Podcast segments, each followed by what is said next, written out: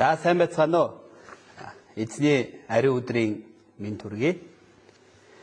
Өнөөдөр бид бүхэн эзнийг бүх зүрх, бүх сэтгэлээрээ хүндэтгэн мөргөж түүнд бүхий л алдрыг өргөж чадахыг хүсэнгуйж байна. Өнөөдрийн зарлиг нь Христ доторх нандин гэр бүлийн талаар Бурхны өгсөн эмгэгцсийн талаарх зарлиг юм а. Бүгдээрээ өнөөдрийн зарилгийн гол ишлэлийг хамт уншицгаая. Гол ишлэл Эфес 5-ын 33. За эхлэе. Гэхдээ хэн ч ч өөрийгөө хайрладгийн адил эхнэрээ хайрл. Эхнэр нь нөхрөөсөө имэж бай. За би залбирая. Хайр ивэл мөнх амиар дүрэн бурхан аваа. Та эзний ариун өдрийг зөвшөөрч өгсөн тань талархаж байна. Эзэн минь та биднийг Есүс Христийн цусаар гимээс аварч биднийг цоошин Бурхны бүтээлүүд болгож өгсөн тань талархаж байна. Бурхан аваа та биднийг цоошин бүтээлүүд болгоод зогсохгүй. Бидэнд цоошин амьдралыг өгч биднийг Есүс Христийн дотор амьдрах хамгийн нандин хайр ивэлтэй замаар одоо хүртэл өдөртөн дагуулж байгаа тань талархаж байна. Өнөөдөр бид нэр таны өгсөн энэ шинэ амьдрал доторх эхнэр нөхрийн харилцааны талаарх зарлигийг суралцах гэж байна. Энэ цаг та хамт байж таны өгсөн эмэг зэгц тааллын дагуу Бурхны баярлуулдаг гэр бүлүүдийг олноор зөвшөөрж өгөхийг хүсэн гуйж байна. Энэ цагт таны үгийг дамжуулах гэж байгаа өчүүхэн сул дорой хүүтэйгээ хамт байж зөвхөн таны хэлэх гэж байгаа үг гараасаа хэмээн хүсэж байна. Бүх зүйл талархаад Иесус Христийн нэрээр гуйж байна. Амен. Илч Паул нь өнөөдрийн номлоор дамжуулан бидэнд нэгэн өөрчилж боломгүй системийн талаар Бурханаас авсан үгээ хуваалцаж байна. Бидний амьдралд, хүний амьдралд өөрчилж болох олон зүйл байдаг. Амьдралын хэв маягаа өөрчлөх, үсний засалтаа өөрчлөх, гэр орноо тавилгаа хүснээрээ өөрчлөх, сургуулаа өөрчлөх, ажлаа солих, өөр ажилд орох, сонирхлоо өөрчлөх, иддэг хоолоо өөрчлөх, хоолны дэглэмээ солих гэх зөндөө олон зүйл байдаг олон зүйлийг бид нэр өөрчил болдог. Харин өөрчил болохгүй зүйл байдаг бөгөөд энэ нь Бурханаас өгсөн эхнэр болон нөхөр бөгөөд түүн тандах Бурханаас тогтоосон эмх цэгцийг өөрчилж болохгүй хэмээн хэлж байна.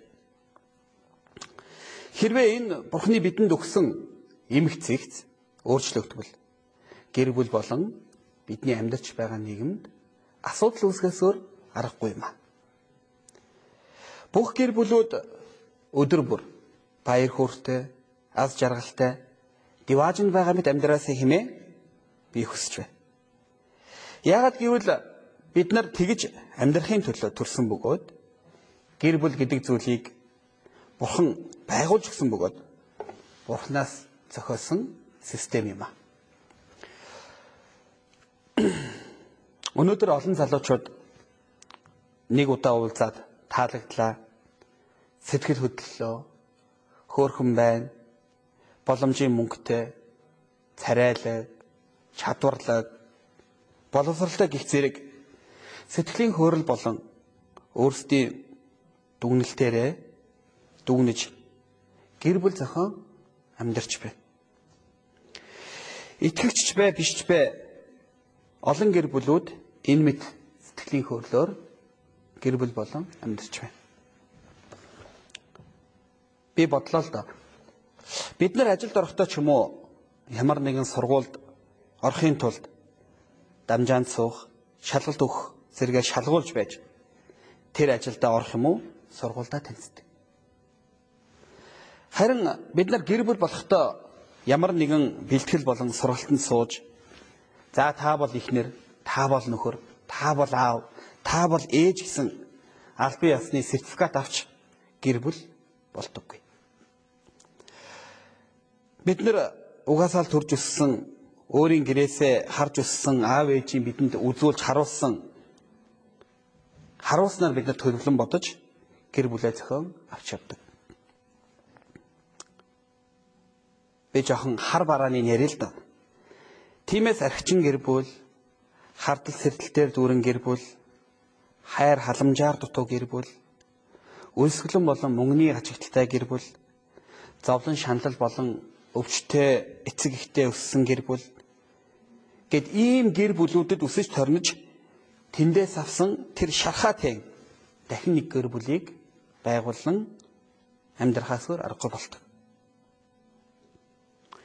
Тэгвэл ингэж амьдралыг эхлэн явж байгаа гэр бүлүүдэд асуудал үүсгэсээр аргагүй юм аа.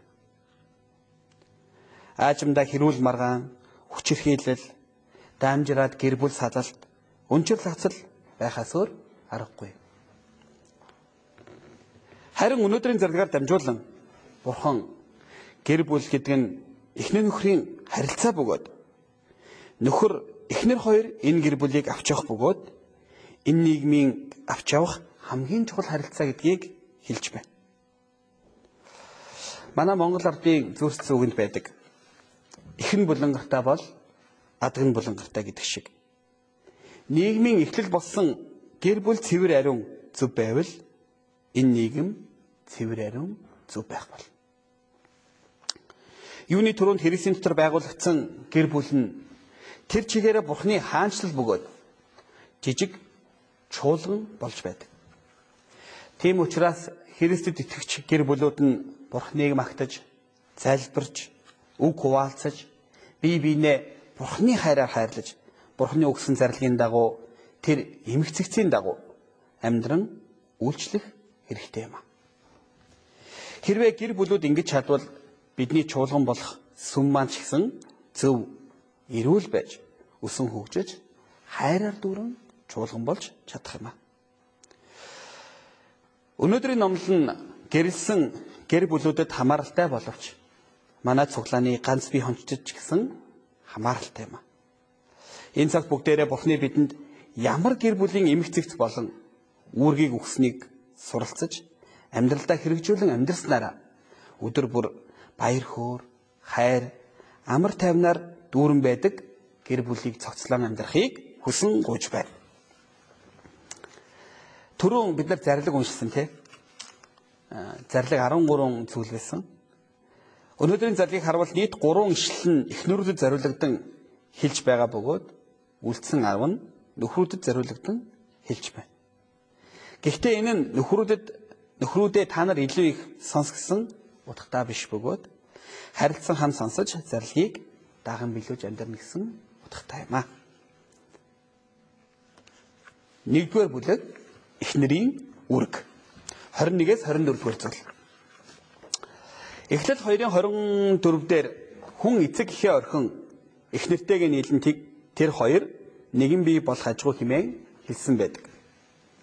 Гэр бүлийг бурхан анх байгуулсан бөгөөд ямар системээр яаж явахыг ч бурхан зохиож өгсөн билээ. Эхлээд эхнэрүүдийн хэрэгжүүлэх ёстой үннийг тушаан ийхүү хэлж байна. Бүгдээрээ 21 22 дугаар зүйлийг хамт уншийе. 21 22 дугаар зүйл. За эхлэе. Христэс имэн нэгэн нөгөөдөө захирагд. Эхнэрүүдээ эзэн дадал нөхрүүддээ захирагд. гэжээ.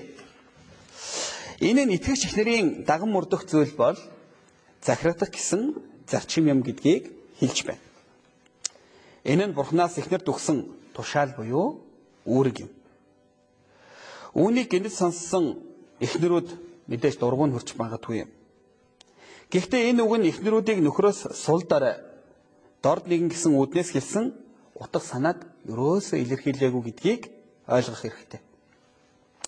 Эрэгтэй эмэгтэй бүгд Бурхны дүр төрхөөр бүтээгдсэн нандин бүтээлүүд бөгөөд ялгуурлан гадуурх зүйл огтхонч байхгүй юм аа.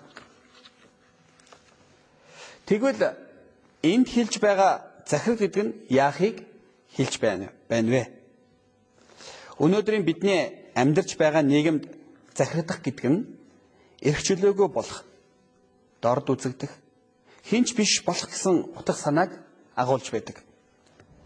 Харин Библийн энэ хэлж байгаа захирагдах гэдэг нь Бурхны тогтоосон эмгцэгц болон эрх мэдлийг даган мөрдөж амьдрахыг хэлж байгаа болно.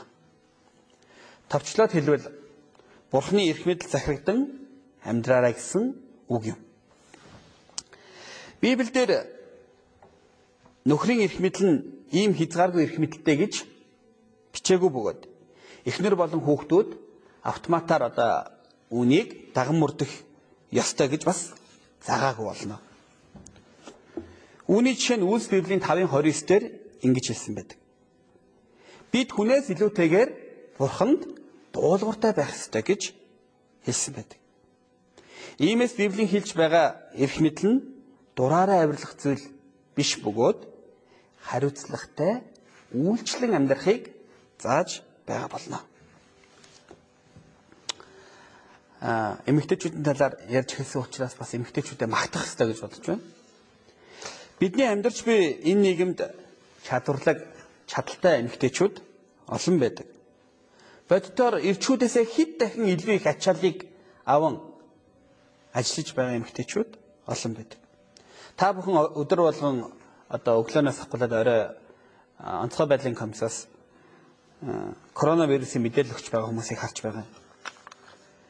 Түүнийг харах юм бол ихэнх нь эмэгтэйчүүд байгаа нь нууц биш. Мөн манай улсын төрийн байгууллагын ажилтныг бүрдүүлж байгаа ажил хүчний ихэнх хувийг эмэгтэйчүүд эзэлдэг. Нийгмийн олон сонгуульт ажил, олон одоо удирдах албан шалд эмэгтэйчүүд ихэнх байр суурийг эзэлж байдаг.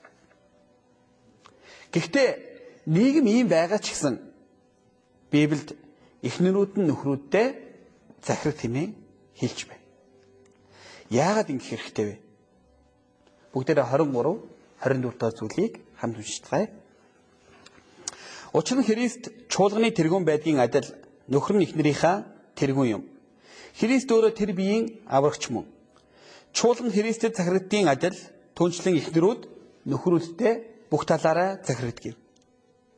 Учир нь эхнэр нөхөр захирагдах нь Бурхны тогтоосон эмгцэгц буюу бүтээлийн дис дараалал юм а. Бурхан гэр бүлийг байгуулахдаа нөхрийг бүтээн эхнэрийн тэргүүнээр томилсон байдаг. Энэ нь Христ болон чуулганы дэс дараалалтай яг адилхан зүйл юм а. 1-р Коринт 11:3-т инхүү хэлжээ. Христ бол эр хүн бүрийн тэргүүн. Эр хүн бол эм хүний тэргүүн. Бурхан бол Христийн тэргүүн гэдгийг та нар мэдээсэй хэмээн би хүсэж байна. За эндээс тэргүүн гэдэг нь энэ толгойг зааж байна тийм ээ. Толгой бол биеийн төв болж биеийг удирдан залдаг.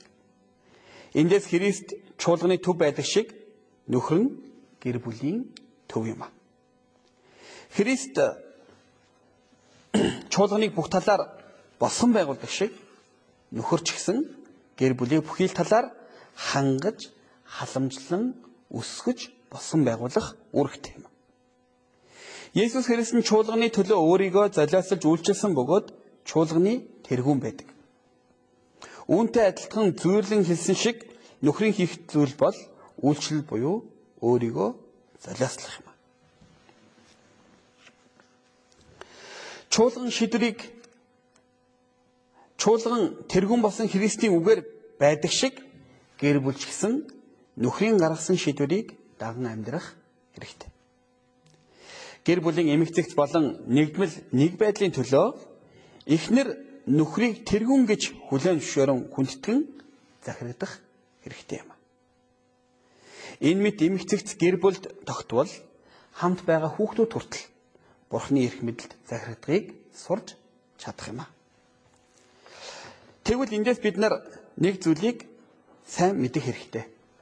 22 дугаар зүйлийг үзвэл эзэн дадал захирал гэжээ хуучин хүнээ тайлж Христийн дагуу тэр агуу хайраар өөрчлөгдсөн шин хүн болсон ихнэр та Христэд захирагддаг шигэ нөхөртөө захирагдаарай хэмээн хэлж байна. Үргэлжлүүлээд 24 дэх зүйлийг үзвэл чуулган Христэд захирагддгийн адил бүх талаар нөхрүүдтэй захирагд хэмээн хэлж байна.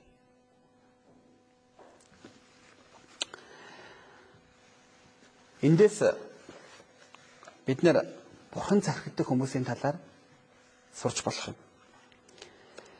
Та бүхний мэддэг Христийн дагалдагч нараас ч гэсэн ямар ч болзолгүйгээр Христийг хайрлан дагалдын дагалдагчийн амьдралаар амьдарсан дагалдагч нар олон байдаг.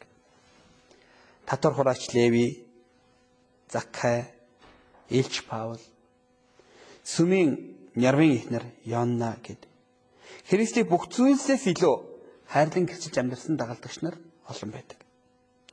Мөн 1-р зууны итгэжтийг харвал Есүс Христэд итгэн түүний төлөө амиа золиослон амьдарсан байдаг. Мөн олон зуун Христэд итгэгч итгэлийн бааtruуд зөвхөн тэргүүн болсон Христийг гэрчлэн түүнд дуулууртаа даган амьдарсан байдаг. Тийм учраас хуучин хүнээ тайлж Христийн агуу хайраар өөрчлөгдөн шин хүнийг өмссөн хүн нь түүний тушаал захирагдан амьдарч чадах юмаа гэдгийг хэлж байна. Тушаал захирагдан амьдран гэдэг нь түүний тогтоосон эмх зэгсээр амьдрна гэсэн утгатай юм. Тиймээс эндээс нөхөр захирагчийн төлөө юуны өмнө Есүс Христтэй зөв харилцаатай байж түүний тушаалыг даган амьдардаг байх хэрэгтэй юм. Христэд захирагддаг ихнэр нь нөхөрт захирагдаж чадах юм аа. Тушаал захирагдан амьдрна гэдэг нь түүний тогтоосон эмх цэгцээр амьдрна гэсэн үг юм. Эхнэрүүд минь ээ нөхрийг гэр бүлийн тэргуун болгон тосолсон эзэнт захирагддаг шигэ нөхөрт бүх талаараа захирч чадахыг хүсэн гуйж байна. Манай Монгол ардын зөөр өгөнд ийм хэлсэн байдаг. Сайн ихнэрийн хүчинд салан эр ханхалцсан. Сайхан морины сүрт муухай имэйл дэнхэлцэн гэж ихнэрийг магтан бичсэн байдаг. Мөн сургаалт үгс 19-14-т орон байр болон эд хөрөнгө нь эцээс ирдэг бол ухаалаг ихнэр эзнээс ирдэг гэж бичсэн байдаг. Үүнээс гадна амжилттай сайн яваа нөхрийн ард сайн хань болох ихнэр байдаг учраас гэж хүмүүс ярьдаг. Амьдралын жишээн дээр хүмүүс ярихдаа энэ дэлхийг байлдан дагуулагч нь эр хүн боловч эр хүнийг байлдан дагуулагч нь эмэгтэй хүн гэж тодтгон яригч тохиолдол байдаг. Ийм болохоор нөхрийн ирээдүйн эхнэрээс шалтгаална гэд хэлчихэд нэх их хэсдэхгүй юм а. Ийм учраас бидний амьдралд эхнэрийн үүрэг роль их чухал юм а. Тиймээс эхнэр хүн хамгийн түрүүнд Христэд захирагдахыг сурах хэрэгтэй.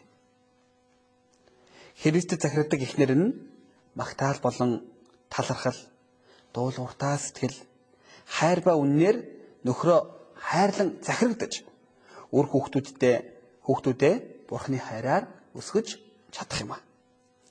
Христэд захирагддаг шиг нөхөр захирагдвал гэр бүлд бурхны тогтоосон эмх цэгц болон амар тайван дүүрэн бий болох болно. Энэ цагт Христэд захирагддаг шиг нөхөртөө бүхий л талаараа захирагддаг захирагдаж нөхрөө гэрэлтүүлдэг ухаалаг ихнэрүүд манад чуулганд дүүрэн болж чадахыг хүсэн гуйж байна. 2. Нөхрийн үрг 25-аас 30 дугаар зүйл. Библиэд нөхрийн үргийн талаар илүү их захиж бичсэн байдаг. Эхнэрийн үүрэг хэцүү гэж бодож байгаа бол эхнэр тандсан нөхрийн үүрэг үүнээс илүү хэцүү гэдгийг мэдэж аваасаа хэмээн хүсэж байна. 25-аас 27 дугаар зүйлийг үзээрэй. Нөхрүүдээ Христ чуулганыг хайрлаад түүний төлөө өөрийгөө өгсөний адил эхнэрүүдээ хайрл. Тэр чуулганыг үгээр дамжуулан усан дугааж цэвэрлэн ариусгаад түүнийг ямар ч тол өрчлөөсгүй эсвэл алив ийм юмгүй харин ариун гим зэмгүй байлган өөрийнхөө өмнө алдарч чуулган болгох гэсэн билээ. Ихэнх нөхрүүд эхнэрээ захирах ёстой гэж боддог. Мөн миний мөн миний үг тушаал заавал миний зүг гэсэн байр сууриас хандах гэдэг. Сэтгэл санаа гайгүй бол хайртай гих үгийг хилдэг бөгөөд цэцэг авч өгөх, ямар нэгэн хувцс авч өгөх зэргээр хайраа илэрхийлэхийг хүсдэг. Харин өнөөдрийн зарлиг дээр Христийн хайраар дахин төрсөн нөхрийн гэр бүлдээ хэрэгжүүлэх ёстой тушаал нь Христ чуулганыг хайрлан өөрийгөө өгөн золиослон хайрласны адил эхнэрээ хайрлаарай хэмээн тушааж байна. Христ чуулганыг тэгвэл хэрхэн хайрлсан бэ? 25 дугаар зүйлийг үзвэл өөрийгөө өгөн буюу амиа золиослон загалмайг үрч хайрлсан юм. Загалмай дээр тусаа урсан хайрлсан юм. Энэ нь ямар ч болзошгүй хайр бөгөөд Бурхны хайр буюу агапе хайр юм а. Тийм учраас Библиэлд энэ мэт нөхөр нь эхнэрээ болцолгүй золиослын хайраар хайрлах хэмээн тушааж байна. Энэ тушаал мэдээж биелүүлэхэд хэцүү юм. Төрөний зүгээр нэг хэцүү юм. Зүгээр нэг эхнэр нөхрийн Ирос хайраар хайрлараа гэсэн үг биш юм аа. Ирос хайр нь өөрийн шунал хүсээр хайрлах хайрыг хэлж байдаг. Заавал би энэ нэмэгтэйтэй суун гэж зүтгэн хүслээ биелүүлэх тэр хайр бол Ирос хайр юм. Энэ Ирос хайраар яаж бурханы хайр ба золиослол загалмайг бид нар тайлбарлаж чадах гэлээ. Тийм учраас агапе хайр нь би биш та. Та нарыг гэсэн хайр бөгөөд Миний хүсэл шунал тачаал биш. Харин бусдыг баярлуулж, хайрлаж, үйлчилж тусалдаг, золиослдог хайр нь агапе хайр юм. Би танд хайртай гэхээсээ илүүгээр юугаар дутагдж, юу хэрэгтэй байна байгааг харж дүүргэн өгч одоо үйлчилж буй тэр хайр нь жинхэнэ хайр буюу агапе хайр юм. Энэ дэлхий дээр ийм хайрлыг зөөрлүүлэх дөрвтэй жишээ байхгүй учраас Илч Паул Христ болон чуулганы хамаарлыг жишээ болон аван тайлбарлаж байна. Жинхэнэ ихнэр нөхөр болохын тулд жинхэнэ гэр бүл болохын тулд нөхөр нь ихнэртэй бүхий л зүйлийг өгч чадах хэмжээний хайраар хайрлах бөгөөд ингэж хайрлаж байгаагаа мэд ихнэр нөхөртөө захихдахгүй байхын аргагүй бөгөөд дуулууртай имээ хүндэтгэж чадах юм аа. Христ намайг хайрлахад би Христийг ямар ч асуудалгүйгээр хайрлаж дуулууртай дагсан шиг бид ч гэсэн ихнэрээ энэ мэд хайрлах хэрэгтэй юм аа. Хаяа хайрламааргүй ч юм шиг, өгөө ч юм шиг байдаг эрос хайр биш.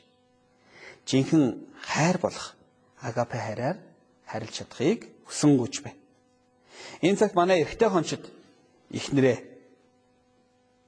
ихнэрээ болон залуу хончид ирээдүйн ихнэрээ энэ мэт бурхны хайраар хайрлахт харж хайрлах итгэлийн шийдвэр гаргаасаа хэмээн хүсч байна.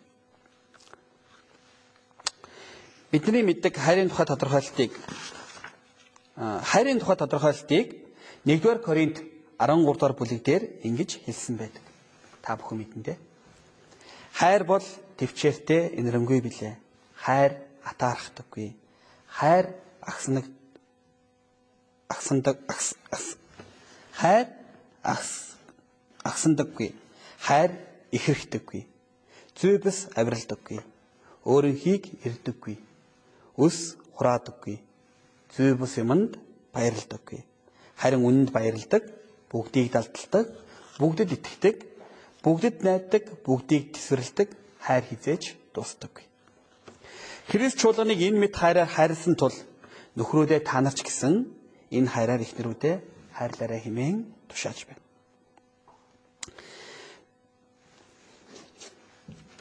Бүгдээрээ 28-аас 30 дахь зүйлийг үзээрэй. Тиймээс нөхрүүд ч эхнэрүүдээ өөрийн бие адил хайрлах ёстой гэж байна. Энэ юу гэсэн үг вэ? Бидний мэддэг агапе хайранд ямар нэгэн хязгаар байдаггүйтэй адил эхнэр нөхрийн нөхөр нөхрийн хооронд ямар нэгэн шугам байхгүй гэсэн үг юм. Миний бие нэг хэсэг болсон эхнэр хэсэг бол эхнэр бөгөөд эхнэрийн би нэг хэсэг би химэн хайрлаарай химэн захин хэлж байна. Би өөрөөсөө илүүгээр эхнэрээ хайрлаарай химэн тушааж байна. Миний хувьд Ханна ончонтой суугаад 18 дахь жилтэйгээ золгож байна. Энэ хугацаанд би эхнэрээ өөрөөсөө илүү хайрлаж чадаагүй ч өөрөөсөө дутуу бол хайрлаагүй хэмээн бардам хэлж чадна. Миний гимнүглийг уучлж надад утга учиртай шинэ амьдралыг өгсөн бурхан надад хамгийн сайныг өгнө гэсэн итгэл байсан учраас итгэлийн шийдвэр гарган итгэлийн гэр бүл болсон. Би ханна онцныг харах бүртээ талархах бас хайрлах сэтгэл төрдөг. Амьдралын олон асуудал дээр миний шийдвэрийг хүндэтгэн намайг босгон байгуулт ихнэрийг харан би бурхандаа талархдаг. Хаяа надад эр хүний бардам омглон зангаар уурлаж бухимдах зандрангуй байх уюутч байдаг. Харин бид нар би бурхнаар холбогдсон. Миний дотор Бурхны ариун сүнс байгаа учраас шийдэх аргыг Бурхан өөрөө өгч намайг зэмлэн ухааруулж гимшүүлдэг. Миний төлөө өдөр бүр залбирч намайг урамшуулж босгон байгуулт ихнэрийг би яаж хайрлахгүй байж чадах билээ. Нөхрөө заримдаа дэндүү хүүхчиг зантай байдаг юм шиг санагддаг. Намайг хамгийн мундаг гэж хэлчихэд ямар ч хэцүү ажил ажиллах мэт амархан мэт санагдаад урам авч явж өгдөг хүмүүс чинь эрэгтэйчүүд юм аа. Тийм учраас энэ завшааныг ашиглаад эмэгтэй хончиддоо нөхрөө сайн урамшуулж магтаж байгаарэ гэж захимаар байна. Намайг босон байгуулт ихнэрийг би олж авах биш. Би хайрласнараа бас би болох юм гэдгийг сурлаа. Энэ цагт би болон та бүхэн ихнэрээ өдөр бүр агапе хараар хайрлан өөрийн бие адил харилж чадахыг хүсэн гуйж байна. 3 дугаар хэсэг 1 болох. Паул эцэст нь дүгнэлт болгон 31 32 дугаар зүйлийг иш татан ийхүү хэлж байна. Бүгдээрээ 31 32-ыг хамт уншицгаая. За эхлэе. Тиймээс эр хүн эцэг эхийн орхин их нэртэйгээ нийлж хоёул нэг махбод болно. Энэ нууц нь агуу юм. Гэвч би Христ ба чуулган тухайд ярьж байна. Мэдээж ямар ч холбоогүй хоёр хүн нэг болно гэдэг нь хэцүү юм. Тийм биш үү? Та ихнэрээ бүрэн ойлгодгоо. Та нөхрөө бүрэн ойлгодгоо. Харин Илч Паул нь Эхлэл 2-ын 24-өөс их татан Христ ба чуулган хизээч сашгүй нэгдвэл нэг харилцаатай байдаг шиг нөхөр ба эхнэр хоёрч гайхамшигтай нэгдлэр нэг бий болсныг чухалчлан хэлж байна. Нэг махбод болно гэсэн нь зүгээр нэг махбодын талаас нэг болох биш. Санаа бодол болон сэтгэл сүнсээрэж нэгдвэл гэсэн утгыг агуулж байна. Энэ нь бидний хүний оюун санаагаар ухаанаар ойлгож чадахгүй зүйл бөгөөд үүнийг Паул нь энэ нууц нь агуу юм хэмээн хэлж байна. Тэгвэл бид нар яаж нэг болох вэ? Эмэгтэй хүний зан чанар нь эрэгтэй хүнийхээс тис өөр. Амархан баярлаж, амархан гуйглаж, чихээрээ сонсож баярлаж, нүдэрээ харж тайвширдаг хүмүүс бол эмэгтэйчүүд. Би ханна онцны хаяа ёстой хөөрхөн харагдаж байна. Гэхдээ л инээд алдаад л байн байн уцаараа өөрхөн зургийг аваад л явж өгнө. Заримдаа чухал биш юмыг аймаар их асууна ярина. Ядрахатай санагд надад. Харин би эхнэрээсээ магтаал урамшуулал авах гэж хичээнэ. Амархан уурлана. Энэ мэд бод байдлыг харвал яриад байвал ийм хоёр өөр ертөнцийн хүмүүс нэг болно гэдэг нь бүтэхгүй зүйл юм аа. Хизээч хүний сэтгэлээр болох зүйл биш юм. Гагцхүү харин Христ дотор байвал бид нэг болж чадах юм аа ямар ч болцолгүй Христийн хайраар агапе хайраар бие биенээ хайрлах үед бид нар нэг болж чадах юм аа. Бүгдээрээ 33 дахь зүйлийг хамт уншийе. Гэхдээ хин ч ч өөрийгөө хайрлагын адил эхнэрээ хайрл. Эхнэр нөхрөөсөө имэж байна. Илч Паул өнөөдрийн зарлигаа дүгнэн дахин ийхүү хэлж байна. Эндээс имэх гэдэг нь хайр ба хүндлэлийг зааж байгаа болно. Эндээс тушаалж буй тушаал нь бидний гмийн төлөө загалмаатаар цовлогдсон нас барсан Есүсийн агуу золиослын хайр болох агапе хайр дээр үндэслэгдсэн юм а. Энэ хайр дээр үндэслэгдсэн учраас бид дэлхийн гэр бүлүүдээс ялгаатай юм а. Энэ хайраар ихнэрээ хайрлаж, энэ хайраа хайрлагдсан ихнэр нь нөхрөө хүндлэх нь 100% боломжтой зүйл юм а. Дүгнэлт Христ ба чуулган гайхамшигтай нэгдэл болдог шиг нөхөр болон эхнэрийн харилцаач Христэд үндэслэгдэн жинхэнэ Бурхны хайр болох агапе хайраар дамжуулан махбод болон сүнсээр нэгдвэл болж чадах юм аа. Энэ цагт энд Бурхны өгсөн агапе хайраар өдөр бүр эхнэрээ хайрлаж энэ хайраас үүдэн өдөр бүр нөхрөө хүндэтгэн хайрладаг тийм гэр бүлүүд олноор төрөн гарч чадахыг хүсэн гуйж байна ийм гэр бүлүүд ийм гэр бүлүүд олон гарснараа ийм гэр бүлүүдээр дамжуулан Монгол улс маань хаанд тахилж хариун үндэстэн Бурхны өв залгамжлалын үргийг гүйцэтгэдэг улс болон өрөөгдөж өрөөгдөөсөө химээн хүсэн гуйж байна. За бүгдээрээ зарлигийн чухал зүйл 33-ын уншаад дуусгая. За эхлэе. Гэхдээ хин ч ч өөрийгөө харилдын адил эхнэрээ харил эхнэр нь нөхрөөсөө имэж байна. За би залбираад басъя. Хайрвал мөнх аймаар дүрэн бурхан аваа та өөрийн зарлигаа өгсөн тань талархаж байна. Та дүгнэлт болгон бидэнд агапе хайрын талаар зааж өгсөн тань талархаж байна. Христ чуулганыг хайрлтын адил эхнэрээ хайрлаж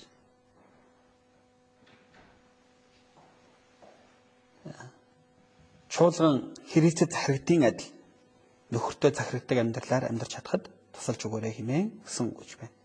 Энэ бүх зүйл нь Бурхны бидэнд өгсөн тэр агапе хайр, цалиаслын хайраар дамжуулан биелэлээ олж чадахыг өсөн гуйж байна.